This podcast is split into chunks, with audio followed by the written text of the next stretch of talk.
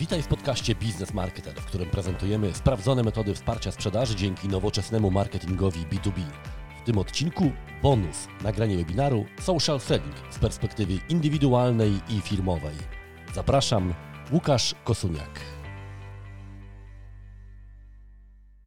Dzisiejszy webinar jest poświęcony zastosowaniu czy wykorzystaniu mediów społecznościowych, szczególnie LinkedIn. Tutaj będziemy na tym polu się skupiać, w rozwoju działań marketingowych i sprzedażowych. Ja zawsze te działania łączę w obszarze B2B, ponieważ też tym się, y, tym się zajmujemy głównie. To znaczy, nasza wiedza, nasza ekspertyza to jest tylko i wyłącznie działanie w obszarze biznes to biznes. O, o czym dziś powiemy? W zasadzie ten webinar będzie składał się z trzech części. Pierwsza to jest, dlaczego w ogóle warto się zainteresować tym obszarem. Dlaczego e, social selling może być skutecznym narzędziem wsparcia sprzedaży i marketingu w obszarze B2B? Pokażę kilka oczywiście wyników badań. Podzielę się też takimi naszymi spostrzeżeniami czy ankietami, które prowadzimy wśród klientów. W drugiej części skupimy się na perspektywie indywidualnej, to znaczy tym, jak e, ty jako ekspert, sprzedawca, właściciel firmy, marketer możesz zwiększać swoją widoczność, możesz uzyskiwać pewne konkretne korzyści dzięki temu, że umiejętnie wykorzystujesz potencjał sieci społecznościowych. Potem powiemy sobie o tym, jak ten obszar wygląda z perspektywy firmy, to znaczy co zrobić, żebyś nie tylko ty jako osoba indywidualna, ale i firma zyskiwała na tym, że pracownicy, współpracownicy, partnerzy biznesowi angażują się w mądre działania social sellingowe. Co trzeba przygotować, co trzeba zapewnić, od czego trzeba zacząć. Powiemy sobie o procesie, też o błędach, jakie się zdarzają w takich działaniach i jak ich uniknąć, żeby te działania no, były skuteczne, a nie przyczyniały się do zbudowania sobie jakiejś złej reputacji spamera czy nachalnego sprzedawcy. No i w ten sposób y, dojdziemy do y, końca tej części prezentacyjnej, wykładowej dzisiejszego webinaru. Zatem przejdźmy do pierwszego tematu, pierwszej części, dlaczego tak naprawdę LinkedIn. Zanim jeszcze e, opowiem Wam o tych korzyściach, pozwólcie, że dwa słowa na temat tego, dlaczego my w ogóle zajmujemy się social sellingiem. Bo jesteśmy firmą, która zajmuje się konsultingiem w obszarze marketingu i sprzedaży B2B i kilkadziesiąt procent, czasami jest to nawet 80% leadów generujemy właśnie za pośrednictwem LinkedIna. Więc w obszarze usług profesjonalnych, z których jak patrzyłem sobie na listę rejestracji, wielu z Was działa, LinkedIn rzeczywiście może być bardzo skutecznym narzędziem. My oprócz y, działań social sellingowych wspieramy też firmy w obszarze y, budowania strategii inbound marketingu, czyli tych działań, które mają spowodować, że wasi sprzedawcy będą no, mieli łatwiejszą pracę poprzez to, że y, będą pojawiały się lidy przychodzące, te, te, które są tworzone, rozwijane w oparciu o dzielenie się wiedzą, o content marketing. W content marketingu też mocno działamy. Doradzamy też w obszarze narzędzi wspierających marketing i sprzedaż, szczególnie tych narzędzi cyfrowych, czyli marketing automation, CRM, właśnie social selling czy customer success management. To tyle, tyle o mnie. Ja pozwoliłem sobie zacytować definicję social sellingu no, z samego źródła, czyli, yy, czyli od LinkedIn. I jak widzicie, ona może nie jest zaskakująca, ale zwraca uwagę na pewne ważne elementy, których czasami w tych działaniach social sellingowych brakuje. Zobaczcie, że oni y, mówią o tym, że social selling to jest wykorzystanie potencjału mediów społecznościowych y, do budowania właściwych prospektów, właściwych kontaktów. Nie mówią o tym, że tych prospektów musi być bardzo dużo. Czyli pierwszy element to jest właśnie ta precyzja. Y, drugi element to jest y, ten element pośredni, czyli budowanie relacji opartej o zaufanie no, w naszym przypadku, w przypadku tego typu działań, tu możemy to zaufanie budować głównie w oparciu o dzielenie się wiedzą, no bo przecież nie znamy się jeszcze osobiście. No i oczywiście ostatecznym elementem jest osiągnięcie w tym przypadku celów sprzedażowych, no bo mówimy o, e, o social sellingu. Więc zobaczcie, social selling nie jest działaniem tylko i wyłącznie marketingowym, tylko i wyłącznie zasięgowym. Ono jest działaniem w miarę precyzyjnym, wymagającym dzielenia się wiedzą i wymagającej pewnej dyscypliny, która pozwala na to, żebyśmy te aktywności social sellingowe wreszcie na końcu przełożyli na działania sprzedażowe. I o tych trzech elementach będę dziś mówił podczas tego e, webinaru. skoro już wiemy, y, jak, ten, jak te działania mają wyglądać, to podzielmy je sobie na kawałki. Znaczy przejdźmy do takiego obszaru bardziej operacyjnego. My dzielimy elementy tych działań social sellingowych na cztery grupy. Po pierwsze i najważniejsze to jest zaangażowanie właściwych osób, wewnętrznych ekspertów. My tą grupę dzielimy znowu na trzy części. Jak widzicie, mamy do czynienia z ekspertami wewnętrznymi, czyli ludźmi, którzy mają dużą wiedzę, nie zawsze potrafią się nią dzielić i nie zawsze mają duże zasięgi, czy nawet w ogóle są obecni w mediach społecznościowych. To jest pierwsza grupa. Źródła wiedzy, można takich nazwać. Druga grupa to są promotorzy tej wiedzy, czyli ludzie, którzy zazwyczaj są w roli sprzedawcy albo business development managera, czyli ludzie, którzy powinni tą wiedzę móc wykorzystać, czyli y, dostarczyć ją do swoich potencjalnych klientów właśnie za pośrednictwem LinkedIn. I oczywiście to nie jest tak, że ktoś jest tylko ekspertem albo tylko sprzedawcą. Bardzo często te role są łączone. Ja bym sobie życzył, żeby tak to działało, że łączymy, czyli wielu ekspertów będzie sprzedawcami, wielu sprzedawców będzie, y, będzie ekspertami, ale pewne aktywności tutaj możemy sobie podzielić. No i wreszcie trzecia grupa, bardzo ważna, organizator. Zazwyczaj y, ta, to zadanie leży po stronie marketingu, czyli y, osoby, zespoły, które sprawiają, że ta wiedza ekspertów wewnętrznych przybiera jakąś formę. Zaczyna być widoczna jako artykuł, prezentacja, materiał wideo i już w tej formie da się dzielić w mediach społecznościowych. Czyli ten, ta, ta grupa ludzi, którzy są zaangażowani, zaraz powiem jeszcze o czwartej grupie, ona jest niezbędna, żeby te działania social sellingowe były skuteczne. Dlaczego?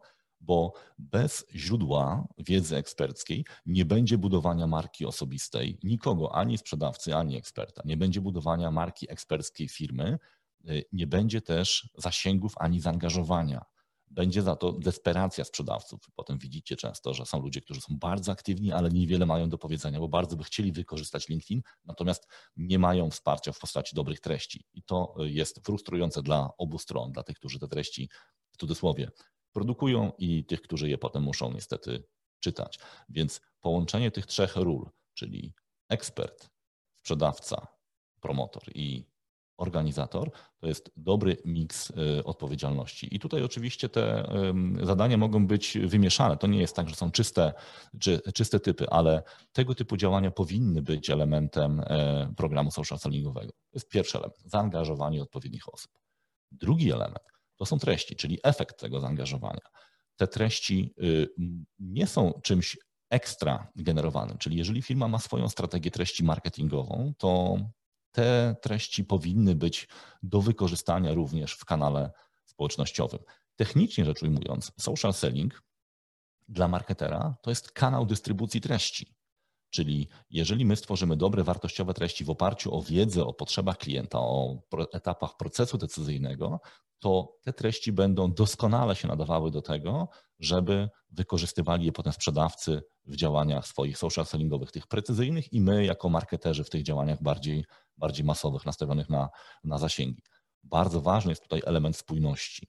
To znaczy, jeżeli chcemy rzeczywiście przebić się przez ten szum informacyjny, który na LinkedInie jest coraz większy, to my rzeczywiście musimy zadbać o e, pewną spójność i w ten sposób przechodzimy do trzeciego elementu działań social sellingowych, jakim jest strategia, czyli pewien plan, który tą spójność w jakimś sensie e, wymusi. To znaczy, najpierw e, musimy ustalić, co my tak naprawdę chcemy komunikować na LinkedIn, bo nasi sprzedawcy, nasi eksperci będą mieli bardzo różną wiedzę bardzo często w ramach budowania strategii komunikacji, strategii marketingowej, tak naprawdę skupiamy się na tym, czego nie mówić, po to, żeby do klienta dotarł komunikat bardzo spójny. A później, jeżeli już y, przełożymy te działania na y, efekt w postaci spotkania z klientem, możemy już klientowi opowiadać szerzej o pewnych działaniach, ale bardzo często dobrą praktyką jest to, żeby w jakiś sensie zawęzić swoje pole zainteresowań, czyli te pole tematów, które publikujemy na LinkedIn, po to, żeby jak najszybciej wywołać pewien, pewne skojarzenie z zagadnieniem, czyli weźmy sobie przykład y, y, naszej firmy, czyli Grow Consulting. My robimy wiele rzeczy, ale tak naprawdę skupiamy się w tej chwili na y, działaniach typu marketing automation i budowaniu strategii marketingu w obszarze digital. Potem, kiedy przychodzimy do klienta i rozmawiamy, pojawiają się różne tematy. Prowadzimy też działalność agencyjną, yy, robimy content i tak dalej, i tak dalej, ale właśnie na, na potrzeby tego, żeby klient w miarę szybko zrozumiał, czego od nas może oczekiwać. My staramy się zawężać swój obszar tematyczny, właśnie też chociażby komunikując social selling, żeby lepiej klientowi zapaść pamięć bo tych tematów, komunikatów na LinkedInie jest bardzo dużo, więc trzeba naprawdę się dobrze zastanowić nad tym, z czym my chcemy się klientowi kojarzyć. To jest oczywiście temat na bardzo dużo, dużo szerszy webinar. Jeżeli będziecie zainteresowani, to, to chętnie taki webinar e, przygotujemy na temat budowania strategii komunikacji i marki w, w obszarze B2B. Drugi element strategii to jest pewna konsekwencja, czyli musimy sobie ustalić, no chociażby jak często my publikujemy te treści, no bo za tym będzie szło zobowiązanie do ich y, produkcji, czyli jeżeli chcemy publikować chociażby co drugi dzień, to musimy mieć coś ciekawego do publikacji. Więc y, taki plan y, wymusza też zbudowanie strategii produkcji treści i musimy się zgodzić, czy mamy zasoby, czy mamy budżet, czy mamy ludzi, którzy mogą tych treści robić więcej, czy raczej własnych treści będzie mniej, a akurat skupimy się na tak zwanej kuracji treści, czyli na przykład przesyłaniu dalej z jakimś komentarzem treści zewnętrznych ekspertów z innych firm na przykład. To też jest element strategii. Musimy się na to zgodzić i na to umówić. Wreszcie ostatni element strategii to jest to, no, co my robimy z efektem tego działania, czyli jeżeli już mamy powiedzmy duże zasięgi, duże zaangażowanie, czyli ta ta sieć nam się rozrasta, no to co możemy zrobić, żeby przejść z etapu budowania świadomości do etapu budowania już bardziej zaawansowanych etapów procesu sprzedaży. I wtedy znowu pewne elementy związane chociażby z nowymi formami zaangażowania. No taką formą może być na przykład webinar, tak? Czyli jeżeli my budujemy jakąś świadomość wokół tematu, to jednym z elementów, który nam weryfikuje skuteczność tego, te, tej świadomości, no jest to, czy my te działania prowadzimy w sposób, y, w sposób y, skuteczny, czy na przykład osoby przychodzą na webinar później. Więc to wszystko powinno być zapisane w strategii po to, żebyśmy działali w sposób spójny. Czwartym elementem dobrej, dobrego planu social sellingowego jest y, zestaw narzędzi. I to w tej kolejności powinno być rozpatrywane. Narzędzia zawsze na końcu. Y, to są narzędzia do tworzenia treści, do formatowania treści, do ich dystrybucji, do ich promocji, wreszcie do pomiaru. To są takie narzędzia jak chociażby Sales Navigator, który umożliwia dużo skuteczniejsze dotarcie do specyficznej grupy na, na LinkedIn, czy Marketing Automation, który właśnie zapewnia nam tą, tą, tą łączność pomiędzy budowaniem świadomości, a generowaniem leadów narzędzia marketing automation dobrze się łączą z działaniami social sellingowymi. O tym też mam zamiar opowiedzieć na następnym webinarze. Ale pamiętajcie proszę o tym, żeby nie zaczynać od narzędzi, bo bardzo często widzę ten błąd i on powoduje, że po pierwsze wchodzimy w koszty, bo te narzędzia często są płatne, a nie potrafimy jeszcze wykorzystać potencjału e, LinkedIna e, takiego organicznego, więc ponosimy koszty, nie widzimy efektu, pojawia się frustracja, po drugie, rozpraszamy się. Te narzędzia mają różne funkcje, testujemy je, bawimy się nimi i ten element y, tak zwanego gadżeciarstwa zaczyna dominować, y, przykrywa nam to, co jest istotą działania social sellingowego, czyli dzielenie się wiedzą i budowanie wartościowej sieci kontaktów. Więc y, pamiętajcie proszę, żeby w odpowiedniej kolejności budować ten full plan. Przede wszystkim zacznijcie od ludzi, od zebrania ludzi, którzy się chcą zaangażować. Ja kiedyś byłem na bardzo ciekawym spotkaniu z e, profesorem Santorskim, który mówił o tym, że około 40% osób angażuje się w życie firmy w sposób większy niż jest to, że tak powiem, wymagane przez ich e, e, opis stanowiska. Podobnie jest w social sellingu. Znaczy, jeżeli 40% handlowców czy marketerów zaangażuje się w social selling, to naprawdę to jest dobry wynik. Nie spodziewajcie się od razu, że wszyscy się na to rzucą. To wymaga czasu. Wymaga też no, udowodnienia, że to ma sens. A żeby udowodnić, y, że to ma sens, ja przygotowałem kilka y, takich statystyk, które y, zrobił Forrester na potrzeby LinkedIn. Pierwsza informacja, która jest bardzo ciekawa, jest taka, że 75% decydentów biznesowych, bo te badania mówią tylko i wyłącznie o decydentach biznesowych, korzysta z treści które są publikowane na LinkedIn w ramach rozpoznawania e, dostawców, czy w ramach e, tak zwanego researchu. Z tych 75% 80% e, ponad uważa, że te treści mają wpływ na ich decyzje. Czyli widzicie, nie tylko zaglądają do LinkedIna, ale też wyciągają wnioski, to znaczy te informacje, które znajdują na LinkedInie wpływają na ich decyzje zakupowe. No to jest moim zdaniem kluczowa informacja dla każdego, kto na te decyzje chce wpływać, czyli no jest sprzedawcą albo marketerem. Bardzo ciekawa informacja jest też taka, że wśród y, osób, które angażują się w dyskusje na forach y, LinkedIna, o 70% rośnie szansa pozyskania nieplanowanej szansy sprzedażowej. Czyli to jest taka sytuacja, kiedy dzielimy się wiedzą, dyskutujemy, y, pomagamy komuś i nagle okazuje się, że ten ktoś w zasadzie za chwilę będzie miał projekt sprzedażowy, tylko ponieważ jest na wczesnym etapie, jeszcze ta informacja nie poszła na rynek, a my jako osoby, które zbudowały jakieś zaufanie poprzez to, że dzielimy się wiedzą, dowiadujemy się o tym pierwsi. No to jest ten moment, w którym każdy sprzedawca chciałby być, bo na tych wczesnych etapach możemy jeszcze dosyć mocno wpływać na zakres tego projektu. Czyli nie tylko ceną możemy konkurować, ale możemy wręcz doradzić, jak takie działania można przygotować i przeprowadzić. To, co do mnie bardzo przemawia, to jest taka informacja, że decydenci B2B pięć razy częściej chcą rozmawiać z handlowcami, którzy dzielą się swoją wiedzą, ale nie o własnym produkcie, tylko o biznesie, w którym klient działa. Tutaj w kontekście LinkedIn jest to bardzo istotna informacja, ponieważ LinkedIn jest nie tylko narzędziem do dystrybucji treści, do taką tubą informacyjną, ale jest też narzędziem do budowania pewnej wiedzy, czyli my możemy obserwując klientów na LinkedIn, nawet w tej darmowej wersji już można sporo wyciągnąć, pozyskiwać informacje o tym, jak wygląda biznes tego klienta. Czy ta firma zwalnia, czy zatrudnia, czy y, połączyła się z inną firmą, czy ktoś o niej pisze w mediach, czy jej produkty są y, bardziej popularne albo mniej popularne, czy ktoś to komentuje, czy co komentują pracownicy, ich informacji szukają. To wszystko jest bardzo dobrym źródłem takiego wstępnego rozpoznania na tym etapie właśnie prospectingu dla handlowców bardzo często pozwala to i powinno to e, tak skutkować, że my już nawiązując kontakt z daną osobą, możemy się odnieść do jakiejś specyficznej informacji. To znacznie podnosi szansę nawiązania kontaktu, ale też znacznie zwiększa jakość naszego przygotowania, czyli jesteśmy w stanie o wiele lepiej się przygotować do takiej rozmowy, chociażby z odpowiednimi treściami. A propos korzyści, my też e, raz na jakiś czas prowadzimy takie działania ankietowe wśród naszych klientów, z którymi prowadzimy e, projekty social sellingowe. To nie są badania w sensie reprezentatywnym, bo ta grupa jest jeszcze stosunkowo e, niewielka, to jest kilkadziesiąt osób, które, z którymi rozmawiamy na ten temat, ale staram się wyciągać informacje o tym, jakie korzyści te osoby widzą w momencie, kiedy mija już kilka miesięcy od pierwszych działań social sellingowych. I to cztery grupy ludzi, z którymi rozmawiamy, to są ludzie odpowiedzialni za sprzedaż, marketing, zarząd i jak widzicie, y, to ta grupa, o której wspomniałem, że też jest bardzo ważna, y, HR, czyli, czyli zasoby ludzkie.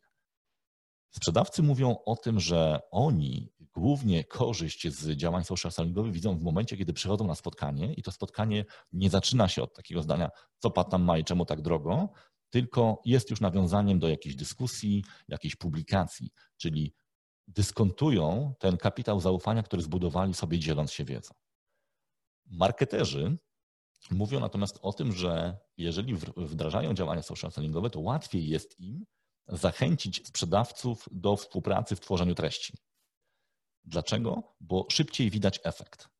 Często niestety w marketingu jest taki, ja też jestem marketerem, więc y, do tego się przyznaję, że te działania są po prostu długie. To znaczy, my pracujemy przez kilka często miesięcy, no żeby potem e, był jakiś efekt. Sprzedawcy często zapominają o tym, że oni w ogóle byli w to zaangażowani. Nie chcą się angażować, nie widzą e, potrzeby, ponieważ na LinkedIn my możemy dużo szybciej coś opublikować, pokazać jakąś efekt jakiegoś działania, bo sprzedawcy widzą, że to się dosyć szybko przekłada na, pewien, na, pewne, na pewną, pewien konkret ich zdaniem widzą jakieś komentarze, lajki, czasami już e, nawet zapytanie o prośbę o spotkanie, więc łatwiej jest zachęcić handlowców do e, współpracy w tworzeniu treści, w angażowaniu się w jakieś ciekawe e, konferencje czy prezentacje, jeżeli te działania będą miały swoje odzwierciedlenie na LinkedIn, bo tam po prostu szybciej będzie widać efekt. Jeśli chodzi o zarząd, to mm, My pracujemy często z firmami średniej wielkości, które są prowadzone jeszcze przez, bardzo często przez właścicieli ci ludzie nie do końca widzą, widzieli potrzebę y, wpływania na wizerunek firmy. Dla nich to była jakaś abstrakcja. W momencie, kiedy myśmy zaczęli z nimi działać y, nad ich wizerunkiem na LinkedIn, oni znowu zobaczyli szybko sprzężenie zwrotne. Ktoś skomentował, ktoś pochwalił, y, ktoś skrytykował, ktoś zaprosił do, na konferencję, ktoś zaprosił do napisania artykułu. Oni zaczynają widzieć konkret w budowaniu tego eksperckiego wizerunku firmy i członków zarządu jako takich. No bo od członków zarządu trochę innych działań wymagamy i trochę inaczej wspieramy te osoby w działaniu. Więc jeżeli mielibyście przekonać kogoś z członków zarządu w swojej firmie, to zawsze możecie użyć tego argumentu, że tutaj szybciej można pewne działania przetestować i sprawdzić, czy one działają, ale też szybciej widać efekt. To, co jest bardzo ciekawym łącznikiem między HR-em a sprzedażą i marketingiem, to jest to, że tak naprawdę te same działania, czyli promocja wewnętrznych ekspertów, którzy mają wiedzę, wpływa pozytywnie na działania sprzedażowe czy, czy marketingowe, no bo tam są klienci, którzy rzeczywiście cenią sobie tą eksperckość. Ja za chwilę powiem, dlaczego to jest takie ważne, ale też są potencjalni pracownicy, którzy widzą eksperta i po prostu chcą z nim pracować w tej chwili ten rynek pracownika w wielu branżach powoduje, że pracownicy rzeczywiście mają pewien wybór i ja widziałem sam kilkunastokrotnie taką sytuację, kiedy e, kandydat do pracy sugerował się tym, jak bardzo rozpoznawani czy jak szanowani są ludzie, z którymi będzie pracował w tej, w tej organizacji. To jest nie do przecenienia, a mówię o tym dlatego, żeby zawsze włączać dział HR w te działania social sellingowe. Ja muszę się przyznać, że na początku trochę pomijałem HR i to był błąd. W tej chwili tam, gdzie nam udaje się zaangażować również HR, te działania są dużo bardziej skuteczne, y, dużo bardziej spójne, no i dysponujemy też większymi zasobami, bo mówiąc krótko, kilka działów zrzuca się na pewne, pewne działania. Przejdźmy do drugiej części, czyli do tego, co ty, jako y, ekspert, handlowiec, właściciel firmy, członek zarządu, możesz uzyskać indywidualnie, mądrze działając na, na LinkedIn. Takim kluczowym zadaniem i kluczowym y, celem osoby, celem indywidualnym osoby, która chce dobrze wykorzystać y, potencjał sieci społecznościowych, w tym przypadku LinkedIn, jest budowanie marki eksperckiej. Za chwilę powiem o tym, y, jak to wpływa na potencjalnych klientów, a teraz chcę powiedzieć o tym, jak można to zrobić. Przede wszystkim, jak widzicie, tutaj nie ma jakichś wielkich rewolucji. Generalnie warto jest dzielić się wiedzą i robić to w sposób bardzo spójny ale też w sposób krytyczny wobec samego siebie. To znaczy, jeżeli chcecie coś opublikować na LinkedIn, to zawsze zapytajcie się wewnętrznie, czy to ma jakąś wartość. Ja czasem zadaję takie pytanie, i co z tego? Ktoś wrzuca zdjęcie z y, targów, z konferencji. Cześć, pozdrawiam z Berlina. I co z tego? Poza tym, że dowiedziałem się, że jesteś właśnie w Berlinie. Być może warto byłoby dodać, czego tam się dowiedziałeś, jakie nowości tam są, jakie trendy, i to już ma dla mnie wartość. Więc pamiętajcie, że nawet w takich drobnych elementach nie chodzi o jakieś wielkie publikacje, tylko nawet w takich y, drobnych, prostych postach zawsze warto się zastanowić, czy z tej mojej y, działalności przychodzi, wynika coś, e, coś dobrego. Czy ktoś ma, oprócz mnie, ma z tego jakąś wartość? To jest ten pierwszy podstawowy e, etap budowania marki eksperckiej, czyli filtrujcie treści, które, które e, chcecie publikować właśnie pod takim kątem. Czy to komuś jeszcze oprócz mnie pomoże? I zobaczycie, jak wiele pomysłów wpadnie do kosza, ale też jak dobrze będą reagować nasi odbiorcy na te, które jednak zostaną, i bo rzeczywiście uważamy, że komuś pomogą. Drugi element to jest zadbanie o pewną spójność. My jako marka osobista też musimy dbać o swoją spójność. Y, LinkedIn jest miejscem, gdzie wiele osób coś mówi i konkurujemy nie tylko z innymi ekspertami z danej branży, ale też z ludźmi, którzy y, często piszą rzeczy mało biznesowe, a zajmują czas naszym odbiorcom. Więc my musimy y, zakomunikować wyraźnie i robić to bardzo regularnie, to z czym nas mają ludzie kojarzyć. Jeżeli ja na przykład chcę, żeby ludzie mnie kojarzyli z pewną wiedzą na temat inbound marketingu czy marketing automation, to świadomie ograniczam ilość postów, które mogą dotyczyć innych aspektów biznesowych, które mnie też fascynują, ale mogłyby rozproszyć. Tak? Czyli skupiam się na swojej niszy informacyjnej po to, żeby y, ta spójność była duża, po to, żeby po kilku, kilkunastu postach rzeczywiście użytkownicy LinkedIna, osoby, które mnie śledzą, miały takie wrażenie, że wiedzą, y, czego się mogą po mnie spodziewać. No drugi element to jest y, ta wizytówka, profil. Ja dziś nie będę robił szkolenia z profilu na, na LinkedIn, ale kilka takich porad na końcu umieszczę. To jest bardzo ważne, żebyśmy nie tylko, żeby nasz profil nie przypominał CV, ale raczej przypominał no, wizytówkę firmy, która dzieli się wiedzą czy wizytówkę osoby, która dzieli się wiedzą. Czyli tam rzeczywiście warto jest dać informację o tym, co ciekawego potencjalny obserwujący może się dowiedzieć, obserwując mnie albo czytając mój profil. I właśnie unikanie wszelkiego rodzaju aktywności, które są może śmieszne, może przynoszą efekty natychmiastowe, ale rozpraszają, czyli odciągają to skojarzenie użytkowników od tego, od naszej głównej niszy informacyjnej. Trzeci element to jest konsekwencja. Ludzie lubią konsekwencję i regularność, LinkedIn lubi, lubi konsekwencję i regularność. Starajcie się narzucić sobie pewien rytm, czyli na przykład jedna publikacja tygodniowo. To nie musi być koniecznie wasza własna treść. Możecie odnieść się do treści innego eksperta, ale starajcie się po pierwsze utrzymać tą spójność tematyczną, po drugie utrzymać pewien rytm. Ludzie się do tego przyzwyczajają i y, wy też się do tego przyzwyczajicie, czyli będzie wam łatwiej tak naprawdę zwiększyć jakość tych treści, jeżeli one będą na przykład publikowane w każdy poniedziałek o godzinie 8 rano. Powiedzmy. Są oczywiście narzędzia, które ułatwiają tą konsekwencję, bo możecie sobie zaplanować kilka postów z góry i ja o tych narzędziach też powiem pod koniec tego webinaru. Czwarty element to jest mądre budowanie sieci y, wokół nas, czyli tego naszego tak zwanego networku. Zasięgi naprawdę nie mają znaczenia, jeśli chodzi o, y, o, o wielkość naszej, naszych, naszej sieci. Wyobraźcie sobie taką sytuację, że ktoś prosi Was o przedstawienie innej osoby. LinkedIn ma taką funkcję, przedstaw mnie. Tak? Y, I akurat trafiło na osobę, której nie znacie, a jest Waszym kontaktem. No, krępująca sytuacja, prawda? No bo cóż, cóż odpisać temu znajomemu? Wiesz, ja tej osoby nie znam, jakieś przypadkowo się znalazł w mojej sieci kontaktów LinkedIn nie chce, żebyśmy tak działali i to też nie ma sensu. Więc starajcie się nie przyjmować wszystkich zaproszeń do sieci kontaktów i też nie zapraszać wszystkich y, masowo, bo to naprawdę nie jest skuteczna metoda. Będziecie mieli tylko złudne oczekiwania, że macie 5000 kontaktów i to wszystko powinno się przekładać na jakieś nie wiadomo jakie cyfry. LinkedIn tak nie działa. LinkedIn stawia na spójność tej sieci kontaktów, czyli zapraszajcie tych, którzy mają coś ciekawego do powiedzenia, y, a też tych, którzy, y, od których możecie się czegoś ciekawego nauczyć, albo oczywiście czegoś tam im sprzedać. Czyli nie przyjmujemy wszystkich, nie zapraszamy wszystkich i dbamy o tych, których już mamy w sieci, rekomendując ich, e, powołując się na nich, czyli, czyli oznaczając ich w postach. E, jeżeli ktoś nas pyta o kandydatów do pracy, czy o ekspertów, których możemy polecić, wykorzystujcie e, tą swoją sieć. No ale to działa wtedy, kiedy ta sieć rzeczywiście jest jakościowa, kiedy znacie ludzi, których w tej sieci macie. Więc do tego Was zachęcam, żeby w miarę konserwatywnie do tej swojej sieci podchodzić i nie E, działać na zasadzie im większa sieć, tym lepiej, bo tak po prostu nie jest. To jest tylko niepotrzebny kłopot dla Was. I teraz wrócę do tej kwestii eksperckości. Dlaczego to jest takie ważne? Bo w zakupach B2B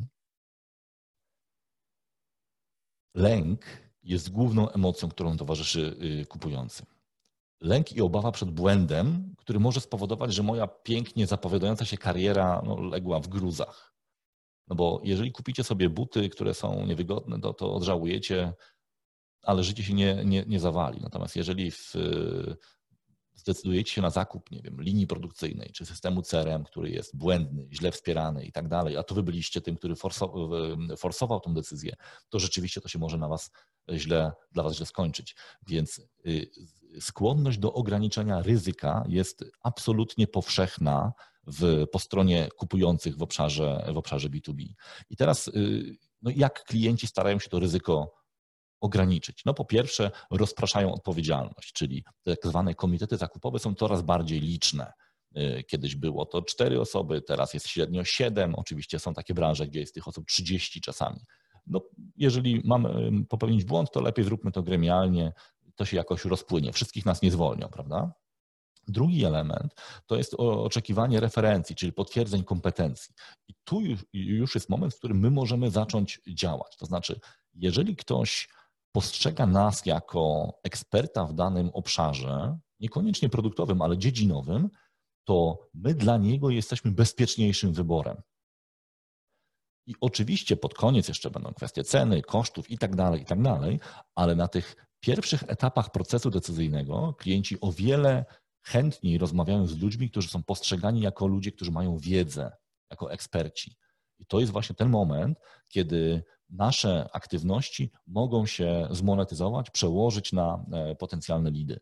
Czyli nasza eksperckość to nie jest tylko kwestia budowania własnego poczucia wartości, pewności siebie i tak dalej, wizerunku. To jest bardzo wyraźny parametr, który klienci oceniają, decydując o tym, czy w ogóle wejść z nami w rozmowę na tych wstępnych etapach procesu decyzyjnego. Pamiętajcie proszę o tym, to nie jest sztuka dla sztuki, to są działania, które są niezbędne do tego, żebyśmy my mogli pozyskiwać lidy na tych wczesnych etapach, bo inaczej jedyne co nam zostanie to będzie sam produkt, na który często nie mamy wpływu, no i oczywiście cena, y, która y, wtedy jest bardzo duża presja, żeby ją obniżać.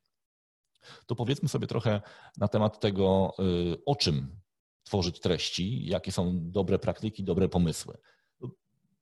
Pierwszą rzeczą to jest pewien insight, czyli podzielenie się jakąś wiedzą, jakimś przemyśleniem. Tak? Jeżeli czytacie artykuł, książkę, raport, to oprócz zdjęcia tego raportu, artykułu, książki, umieśćcie coś, co waszym zdaniem może być istotne dla waszej grupy, coś, co was uderzyło, coś, co was skłoniło do myślenia. I ja e, nie jestem fanem tych wszystkich mądrości i cytatów, które się czasem pojawiają w takiej formie graficznej, ale jeżeli już e, dzielicie się ze swoją e, społecznością jakąś informacją książką, o książce, którą czytacie, to wybierzcie to, co z tej książki może być dla nich interesujące. I to jest w miarę prosty mechanizm właśnie takiego budowania też wizerunku eksperta wokół tematów, na których być może się jeszcze nie znacie perfekcyjnie, ale które zgłębiacie. No, druga sytuacja to są wszelkiego rodzaju wydarzenia, konferencje, targi, e, spotkania, sympozja itd., tak itd. Tak Bardzo często w takich sytuacjach pojawiają się po prostu zdjęcia. Cześć, było fajnie, byliśmy w Berlinie, w Amsterdamie, w Warszawie, doskonała organizacja i tak dalej. Z tym, że tu brakuje treści, tu brakuje czegoś, co może osobom, które, które nie uczestniczą w tej konferencji, przekonać ich, że warto być. Czyli y, Spróbujcie streścić jakieś wystąpienie, y, polecić jakiegoś prelegenta, który y, zrobił doskonałą robotę. Być może macie jakieś wnioski. Jeżeli macie ze sobą telefon i umiecie nagrywać, to być może takiego prelegenta warto wziąć, postawić gdzieś blisko okna i nagrać z nim wywiad. To już jest, y, to już jest taki poziom, powiedzmy, wyższy, ale starajcie się zawsze za, zamieścić tam jakieś meritum. Coś, co może być istotne dla tych osób, które nie są na konferencji, a chciałyby być może na niej, na niej być. No, trzecim takim punktem, do którego się możecie odnieść, są jakieś zmiany w otoczeniu biznesowym, prawnym, nowe przepisy, nowe regulacje. Często jest tak, że to nie musi być super nowa sytuacja, ale to może być podsumowanie, na przykład tak jak podałem Wam tutaj RODO po roku, po miesiącu, po, po, po trzech latach, co się stało, czego się baliśmy, a co się wydarzyło, co się nie wydarzyło. W zasadzie w każdej branży są jakieś zmiany regulacyjne, są jakieś e, wydarzenia, które wpływają na to, jak ta branża funkcjonuje. Warto jest, jeżeli macie taką wiedzę, odnieść się do tego, no bo tu działa ten efekt nowości, świeżości tego wydarzenia. Ludzie o tym dyskutują, więc chcą wiedzieć. Są naturalnie y, wyczuleni na komunikaty, które są wokół tego wydarzenia budowane, więc siłą rzeczy będziecie tutaj mieli premię e, w postaci większych zasięgów czy zaangażowania. Czwartym elementem, chociaż nie, no, oczywiście nie wyczerpuję tutaj tej listy, to są osiągnięcia czy działania e, naszych kolegów z zespołu albo naszych partnerów, czyli jakieś super osiągnięcia, nowe projekty, oczywiście awanse, ich publikacje, ich wypowiedzi, e, zmiany w ich, e, w ich życiu. No, LinkedIn jako narzędzie społecznościowe jest swojego rodzaju kroniką towarzyską i nie uciekniemy od tego. Dopóki te informacje są wartościowe z punktu widzenia merytorycznego, starajcie się też je wykorzystywać, bo to znowu jest ten mechanizm, ludzie lubią reagować na zmiany po stronie tak zwanej ludzkiej i e, te treści też dosyć dobrze się niosą. Pamiętajcie tylko, żeby nie trywializować, bo y, w końcu tych treści będzie za dużo i ludzie zaczną je y, filtrować.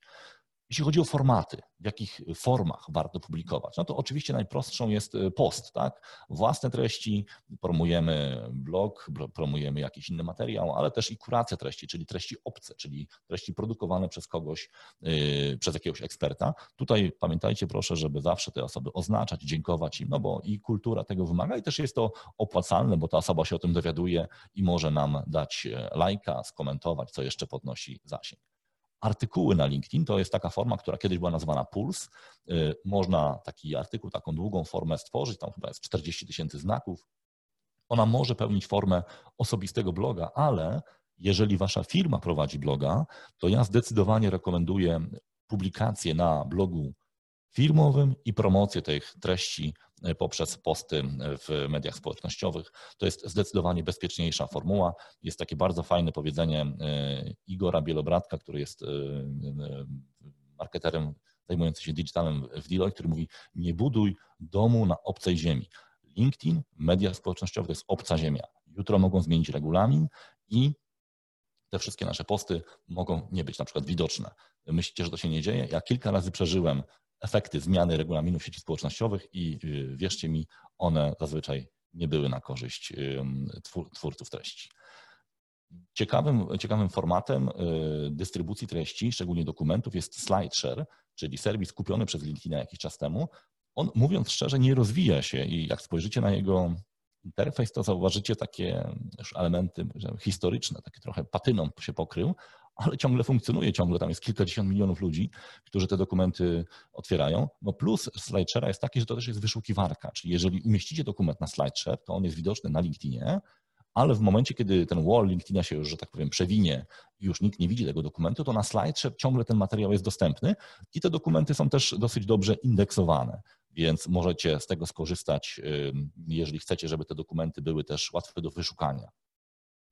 LinkedIn wprowadził formę konkurencyjną dla SideShare'a, czyli możecie też ładować dokumenty bezpośrednio do postów, czyli PDFy, PowerPointy. Y, jakość tego dokumentu zazwyczaj jest lepsza niż na SlideShare. Y, jest też to wygodne, bo możecie sobie pobrać ten dokument, otworzyć w pełnym ekranie i tak dalej. Bardzo możliwe, że to wyprze SlideShare'a, ale póki tak się nie stało, warto te dokumenty umieszczać i tu, i tu, bo y, w odróżnieniu od SlideShare'a te dokumenty są widoczne tylko wtedy, kiedy widoczny jest post na LinkedInie. Jeżeli już mija 2-3 dni, trudno do tego dokumentu wrócić. Na SlideShare jest to możliwe, po prostu możemy to wyszukać, tam są nasze konta, możemy też je grupować pewne, w pewne e, foldery. No to, e, co jest w tej chwili najbardziej promowane przez LinkedIna, to jest natywne wideo, czyli to naturalne, to ładowane bezpośrednio na LinkedIna. Nie link do YouTube'a czy Vimeo, tylko właśnie natywne wideo. LinkedIn daje dodatkowe zasięgi, mówi o tym wprost, więc ja do tego zachęcam bardzo. Pamiętajcie o jednym e, takim dziwnym e, zachowaniu związanym z raportowaniem. LinkedIn raportuje odtworzenia wideo i jeżeli post nie ma wideo, to raportuje potencjalny zasięg posta. I te potencjalne zasięgi są zazwyczaj o wiele większe niż te odtworzenia wideo i to pojawia się zgrzyt. No, LinkedIn promuje wideo i nagle widzimy, że jest 200 odtworzeń, a podobny materiał bez wideo miał na przykład zasięg na poziomie 1500 czy 2000. To jest po prostu inny element raportowany. Odtworzenia wideo e, zaczynają się zliczać po chyba półtorej sekundy od uruchomienia wideo, a zasięg posta to jest potencjalny zasięg. On będzie zawsze większy. Więc nie, zraza, nie zrażajcie się tym. Jeżeli tylko możecie, publikujcie e, treści wideo, bo LinkedIn będzie to nagradzał, jeśli chodzi o format kilka dobrych praktyk związanych z pozyskiwaniem kontaktów, no bo też to jest też jeden z elementów y, oczekiwanych przez sprzedawców.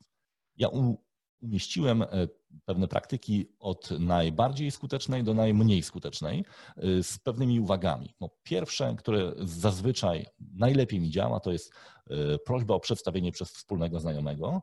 I tu, jak pamiętacie, jakość tej sieci ma kluczowe znaczenie. LinkedIn ma taką funkcję. Poproś o przedstawienie. Więc możemy to zrobić w taki sposób. Y, wygląda to tak, że potem te dwie osoby lądują w jednej konwersacji, mogą sobie już prowadzić rozmowę. Bardzo wygodne. Drugi, y, jeśli chodzi o skuteczność y, zestaw działań, to są wszelkiego rodzaju targi i konferencje, czyli widzimy się na bieżąco, na, na żywo. Ja często prowadzę różnego rodzaju spotkania, więc wtedy wykorzystuję taką funkcję znajdź w pobliżu w aplikacji mobilnej. Wtedy wszyscy, którzy są w odległości około 10-12 metrów, czyli w tej sali, która, która, która nas służy do prezentacji, mogą nawzajem siebie bardzo szybko dodać do sieci. W przypadku e, takich sytuacji targowych, konferencyjnych, gdzie rozmawiamy jeden, jeden do jednego, aplikacja mobilna LinkedIn ma taką funkcję skanowania QR-kodów. To też bardzo przyspiesza pozyskanie kontaktów, bo nie musimy wpisywać swojego nazwiska, tylko po prostu ktoś wyświetla QR-kod, ktoś go skanuje, trwa to sekundę i jesteśmy już połączeni. Oczywiście wymaga to posiadania aplikacji mobilnej e, LinkedIn. Trzeci, w moim doświadczeniu, e, skuteczny, e, skuteczny sposób to są wszelkiego rodzaju komentarze, nawiązywanie do publikacji, polecenie, komentarz. Ja często piszę wprost, e, bardzo ciekawy materiał, czasem się zgadzam, czasem, się nie zgadzam i zapowiadam, że pozwolę sobie wysłać zaproszenie do grona kontaktów. Bardzo często te zaproszenia są przyjmowane, więc jeżeli szukacie takich sposobów, to to też jest dobry. Oczywiście ten komentarz powinien być też w jakiś sposób wartościowy. No, unikajcie takich prostych komunikacji komunikatów typu super, dzięki, bardzo fajnie, inspirujące, no bo to nie wnosi nic. Jeżeli rzeczywiście coś komentujemy, no to dajmy coś od siebie, żeby ta rozmowa rzeczywiście miała sens i była pogłębiona. Czwarty element to są, to są treści, e, dokumenty w postach. Czyli ja widzę, że jeżeli umieszczamy pod postem dokument, to on ma bardzo dobry zasięg i potem mogę się posłużyć tym dokumentem, zapraszając kogoś do grona e, kontaktów, czyli wysyłam taki link i to bardzo często jest dobrze odbierane, czyli coś dajemy od siebie, zanim o coś prosimy.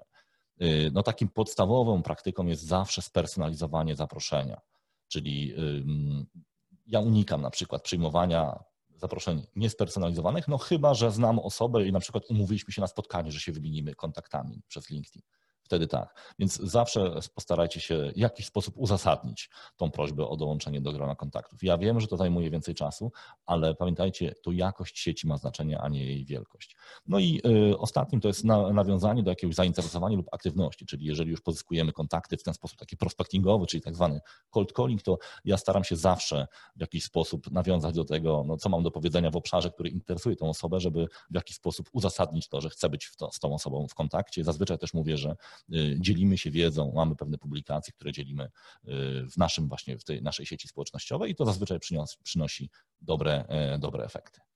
Czyli podsumowując tą naszą część indywidualną, e, cztery rzeczy, które chciałbym Wam zasugerować jako rzeczy do sprawdzenia, też w rodzaju takiej pracy domowej.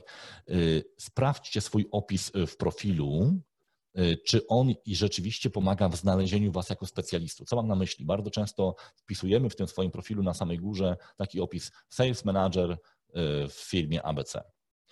Ta sama informacja jest potem w naszym opisie stanowiska poniżej, więc y, ten opis ogólny pod samym zdjęciem potraktujcie jako zestaw fraz kluczowych, czyli jeżeli na przykład działacie w obszarze, nie wiem, właśnie marketing automation, usług profesjonalnych, to napiszcie marketing automation, szkolenia, wdrożenia, wsparcie.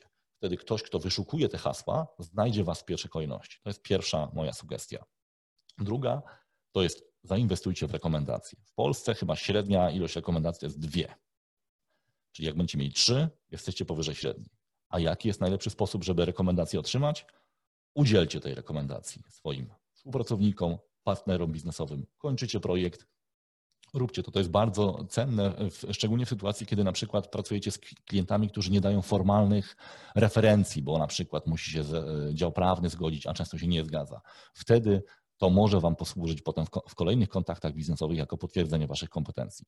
Więc zainwestujcie w rekomendacje. Dodajcie też wszelkiego rodzaju multimedia do swojego profilu. Tam jest taki, takie miejsce, gdzie można dodać linki do strony, linki do materiałów na YouTubie, e, wideo, e, grafiki, PDFy, to uprawdopodobnia myślenie o Was jako ekspercie. Czyli jeżeli jest to osoba, która dzieli się wiedzą, to nie muszą być tylko Wasze artykuły, to mogą być artykuły, których, które produkuje Wasza firma, czyli linki do blogów. Chodzi o to, żeby osoba, która przegląda Wasz profil, widziała, że tam jest jakaś wiedza. I czwarty element, który pomaga w tym, to jest zbudowanie bazy treści, zewnętrznych, którymi możecie się dzielić. Czyli zbudujcie sobie zestaw takich linków, adresów, yy, ekspertów, których regularnie obserwujecie i których posty czytacie. To Wam pozwoli też yy, na częstszą publikację treści na LinkedIn w oparciu o ich aktywność, czyli polecanie tych postów z jakimś Waszym komentarzem. Pamiętajcie koniecznie zawsze z Waszym komentarzem, co z tego, znaczy dlaczego akurat ten post opublikowaliście. Przejdźmy zatem do tej trzeciej części, czyli social selling w organizacji, w firmie. Jedna rzecz, na którą chciałem zwrócić uwagę, to jest to rzeczywiście, że LinkedIn y, rozwija i konta firmowe, i konta prywatne, ale ciągle o wiele większe zasięgi uzyskacie poprzez konta prywatne. Tak jest skonstruowany LinkedIn. To nie jest błąd LinkedIna. Konta firmowe są pewnego rodzaju wizytówką, są też taką przestrzenią, gdzie prowadzimy działania komercyjne, chociażby reklamowe czy, czy rekrutacyjne. Czyli suma zasięgów organicznych postów pracowników bardzo często jest o wiele większa niż zasięgi konta firmowego i to musimy przyjąć i to musimy wykorzystać tak naprawdę w naszych działaniach. Pierwszy element, który jest bardzo ważny z punktu widzenia firmy, to jest zbudowanie sobie zdrowej współpracy z ekspertami. Y, bardzo często jest tak, że ci ludzie na początku nie wierzą w potencjał LinkedIna, więc warto jest po prostu im to pokazać, czyli przeszkolić ich z tego, w jaki sposób oni też zyskają na LinkedInie. Drugi element to jest wsparcie w tworzeniu treści. Bardzo często oni nie mają kompetencji tworzenia treści i tutaj zaangażowanie marketingu jest kluczowe, jeśli chodzi o jakość publikacji, ich regularność, pewien format, y, jasność y, języka, często też e, zmniejszenie trudności tego języka, żeby to trafiało do szerszej grupy osób. Y, zintegrowanie tych działań ze strategią content marketingową firmy też jest kluczowe. Czyli jeżeli już tworzymy jakieś treści, to na 99% one doskonale się przydadzą też w działaniach e, social sellingowych i wtedy też możemy tych naszych ekspertów czy to sprzedawców odpowiednio e, wesprzeć. Czwartym elementem, który jest ważny w momencie, kiedy już zaczynamy nabierać tempa, to jest określenie ram współpracy. Bo na początku my działamy indywidualnie, prosimy, żeby ktoś się zaangażował, żeby zrobił więcej i tak dalej. No potem nagle okazuje się, że pracujemy z grupą y, i dobrze byłoby te osoby traktować równo, to znaczy mieć pewne oczekiwania, na przykład co do tego, ile treści, jakiej jakości treści mają być tworzone czy promowane przez te osoby, ale też dać coś w zamian. Y, bardzo często ja zachęcam firmy do tego, żeby na przykład osoby, które są aktywne na, w mediach społecznościowych, były też osobami, które są promowane w pierwszej kolejności, jeśli chodzi o jakieś występy na konferencjach, spotkaniach prestiżowych. No to jest ten rodzaj przekupstwa, który ja akurat y, popieram. Nie popieram absolutnie nagradzania jakimiś gadżetami czy premiami za samą aktywność na LinkedIn, bo to ma prowadzić do efektu sprzedażowego, za który ta osoba i tak premię weźmie. Jeśli chodzi o zbudowanie takiego procesu działań social sellingowych w firmie, to tutaj e, to my zazwyczaj bardzo intensywnie zachęcamy do tego, żeby zacząć od góry, nigdy od dołu. Wydaje się, że czasami lepiej byłoby porozmawiać najpierw z handlowcami, ich przekonać, a potem zarząd się w to zaangażuje. Z praktyki wiem, że to nie działa. Czyli jeżeli nie mamy wsparcia zarządu, podstawowego przynajmniej zrozumienia, co my chcemy uzyskać, to może się okazać, że na początkowym szczególnie etapie braku wyników zarząd straci cierpliwość albo gdzieś między wierszami zacznie komunikować, że to jest taka trochę zabawa, hobby i tak dalej. Nie ma nic gorszego niż zniechęcenie pracowników do pracy zarządu. Do, e, zniechęcenie e, pracowników przez zarząd do tych działań social sellingowych. Drugi etap to jest zadbanie o wiedzę, czyli ci ludzie muszą wiedzieć, y, jak działa social selling, jak działa LinkedIn, jakimi treściami się y, y, trzeba dzielić, jakich błędów unikać. To po prostu musi być pewien zestaw wiedzy, który te osoby muszą otrzymać, bo inaczej nie będą miały pewności, będą bały się błędów, to będzie ich zniechęcało, to będzie spowalniało taki program. Trzeci etap to jest właśnie zaangażowanie tych ekspertów, o którym, o którym już mówiłem, czyli ustalenie ról, określenie ram współpracy, określenie wsparcia, jakim dajemy, nawet w takim bardzo konkretnym wymiarze, na przykład takim, że nie wiem, kupujemy statyw i yy, światło i nagrywamy raz na miesiąc czy raz na tydzień jakiś krótki wywiad z naszym ekspertem, używając nawet telefonu. Trzeci obszar to jest właśnie zapewnienie treści naszym handlowcom, czyli upewnienie się, że ich aktywność y, bazuje na czymś, bo jeżeli tych treści jest za mało, to są dwie postawy. Jedna jest taka, że handlowiec mówi, nie ma treści, nie ma zabawy, wycofują się, ale ci bardziej zdesperowani albo zaangażowani będą e, działać na LinkedInie bez treści, czyli będą wysyłać oferty, będą sami coś wymyślać Zazwyczaj y, niestety nie jest to zbyt jakościowe y, i tacy handlowcy są postrzegani jako mm, nachalni, jako spamerzy. Nie działa to dobrze. Czwarty element to jest oczekiwania, czyli ustalenie tego, co my chcemy uzyskać w jakim czasie, czyli na końcu zawsze musi być efekt sprzedażowy. Oczywiście pośrednie etapy, chociażby budowanie sieci czy budowanie zasięgów, czy y, takie etapy jak, nie wiem, zaproszenie na webinar, ich zwiększenie skuteczności, czy ilości osób na webinarach są bardzo ważne, no ale na końcu musimy wiedzieć, y, że chcemy doprowadzić do celu sprzedażowego. Dlaczego to jest takie ważne? Bo jeżeli mamy ten cel, to musimy się zastanowić, czy my możemy rzeczywiście to zmierzyć. To znaczy, czy my na tyle dobrze obserwujemy te działania, że da się wyciągnąć z tego wnioski. I tutaj czasami wchodzi w grę przygotowanie pewnej y, zestawu też narzędzi, o których powiem pod koniec. Wreszcie właśnie monitoring znowu rzecz związana z narzędziami, czyli jeżeli chcemy, żeby te nasze działania były, się rozwijały, to przede wszystkim od strony zarządczej musimy takie rozmowy prowadzić z naszymi y, handlowcami czy z naszymi ekspertami regularnie. To ma być element też oceny tych ludzi. Po drugie, musimy zapewnić też y, wsad informacyjny, czyli to, jakimi narzędziami można się posłużyć, jakie dane warto monitorować.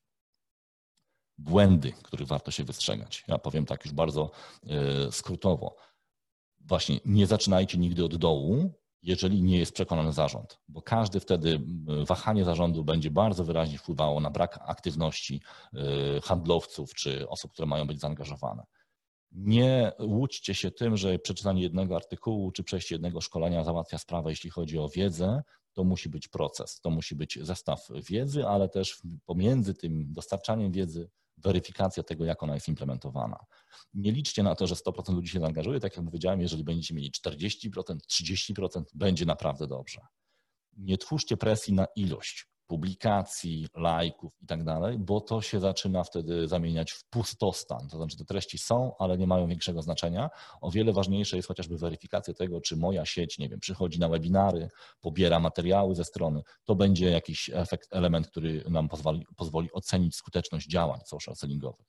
Nie rozliczajcie z wielkości sieci, to też nie ma sensu. Łatwo jest pozyskiwać nowe kontakty, tylko nic z tego nie wynika. Y, nie przesadzajcie też z gadżetami, narzędziami. Y, te, na to wszystko jest moment, jest, jest odpowiedni moment. Jeżeli y, zaczynacie dopiero, to skupcie się na treściach, na dzieleniu się wiedzą, na kulturze dzielenia się wiedzą w firmie, na narzędzia przyjdzie czas. I ostatni element, nie ignorujcie HR-u i nie ignorujcie marketingu i PR-u, bo to są zespoły, które bardzo wyraźnie mogą wpłynąć na jakość działań social sellingowych, marketing i PR od strony treści, a HR od strony pewnego przygotowania i też wsparcia w dyskusji, na przykład z zarządem. Naszych kilka praktyk, słuchajcie, tak już y, praktycznie na koniec tego spotkania. Y, to, co my robimy w, w Glow Consulting, żeby te nasze działania były skuteczne. No, przede wszystkim y, regularnie staramy się publikować. No my już dochodzimy do etapu prawie, prawie że codziennie. Treści trochę mamy, ale publikujemy też treści zewnętrzne, czyli wspieramy się tymi ekspertami, którzy są na zewnątrz i to też jest element taki, który zmusza trochę, chociażby mnie do tego, żebym więcej czytał. Y, analizujemy skuteczność w taki sposób, że większość postów wypuszczamy poprzez narzędzia y, wspierające kalendarze treści. My akurat używamy HubSpota. Y, dzięki temu ja nie tylko wiem, jaki jest zasięg i zaangażowanie, ale też wiem, ile chociażby osób kliknęło w link, to znaczy jaki ruch wygenerowało to działanie. No, to jest też element y, właśnie weryfikacji. No, na przykład weryfikujemy też, ile, ilu z Was dotarło na ten webinar właśnie poprzez LinkedIna i wiemy, czy to jest dobre narzędzie, y, czy słabe. Wreszcie właśnie te narzędzia, których, z których korzystamy, to jest Sales Navigator oczywiście nam bardzo pomaga w tworzeniu treści, pewien rytm webinarów, który też będziemy intensyfikować, no bo z tego można bardzo wiele formatów stworzyć. Y, używamy narzędzi Marketing Automation, my akurat używamy HubSpota wewnętrznie, bo to nam pozwala planować treści, ale też i obserwować, jaki jest y, tego efekt właśnie te narzędzia, e, z których korzystamy. No właśnie HubSpot to jest nasze centrum operacyjne. Tam planujemy treści, tam e, e, zliczamy skuteczność, tam planujemy webinary, tam wysyła, stąd wysyłamy wszelkiego rodzaju potwierdzenia. Dzięki temu my widzimy, jak te działania nawzajem na siebie wpływają. W tworzeniu treści bardzo często używamy PowerPointa, który no, ma wiele funkcji takich graficznych, łącznie z tworzeniem wideo, animacji. Bardzo mocno konkuruje u nas z Canvą, którą też y, odkrywamy i która też się super rozwija, więc te dwa narzędzia zdecydowanie e, polecamy, jeśli chodzi o tworzenie grafik, y, infografik, y, postów wszelkiego rodzaju. W webinarium używamy, jak widzicie, Zooma i to jest narzędzie, które jest świetne, świetnie połączone z HubSpotem. Dzięki temu możemy to bardzo łatwo połączyć, dostajecie te wszystkie potwierdzenia, indywidualne linki i tak dalej. No, to jest oczywiście element, który już potem e, bardzo wpływa na sprawność e, tego naszego, e, tego naszego działania. Na koniec, przed ostatnim podsumowaniem, chciałbym, żebyście, jeżeli macie zapamiętać coś z tej, z tej naszej sesji, to po stronie indywidualnej warto jest regularnie dzielić się spójną wiedzą, świadomie budować swoją sieć, nie w oparciu o wielkość, ale w oparciu o osoby, które nas interesują naprawdę i rzeczywiście najpierw coś oferować, a potem dopiero prosić o zainteresowanie. A to oferowanie no to są głównie treści, które im lepszej jakości, tym będzie to bardziej skuteczne. Po stronie firmowej e, wykorzystujcie potencjał swoich pracowników, bo e, po prostu LinkedIn preferuje takie działania, czyli no, jeżeli chcecie działać na LinkedInie, no to, to musimy wykorzystać to, jak LinkedIn e, sobie zaprojektował tą, tą swoją maszynkę, czyli on bardzo lubi promocję treści firmowych poprzez pracowników. Promujcie samych pracowników i ich wiedzę, no bo to też spowoduje, że chętnie będą się włączali w te działania. Wreszcie zapewnijcie wartościowe treści handlowcom, bo bez treści oni będą przebierali nogami w miejscu albo będą desperatami, czyli ludźmi, którzy często potem widzicie, e, wysyłają oferty, wysyłają treści mało, mało wartościowe. To wszystko w tym odcinku. Jeżeli tematyka Cię zainteresowała, koniecznie sprawdź opisy odcinka, tam znajdziesz dodatkowe materiały. I jeżeli spodobało Ci się to, co robimy, zostaw nam ocenę w swojej ulubionej aplikacji podcastowej. Do usłyszenia Łukasz Kosoniak.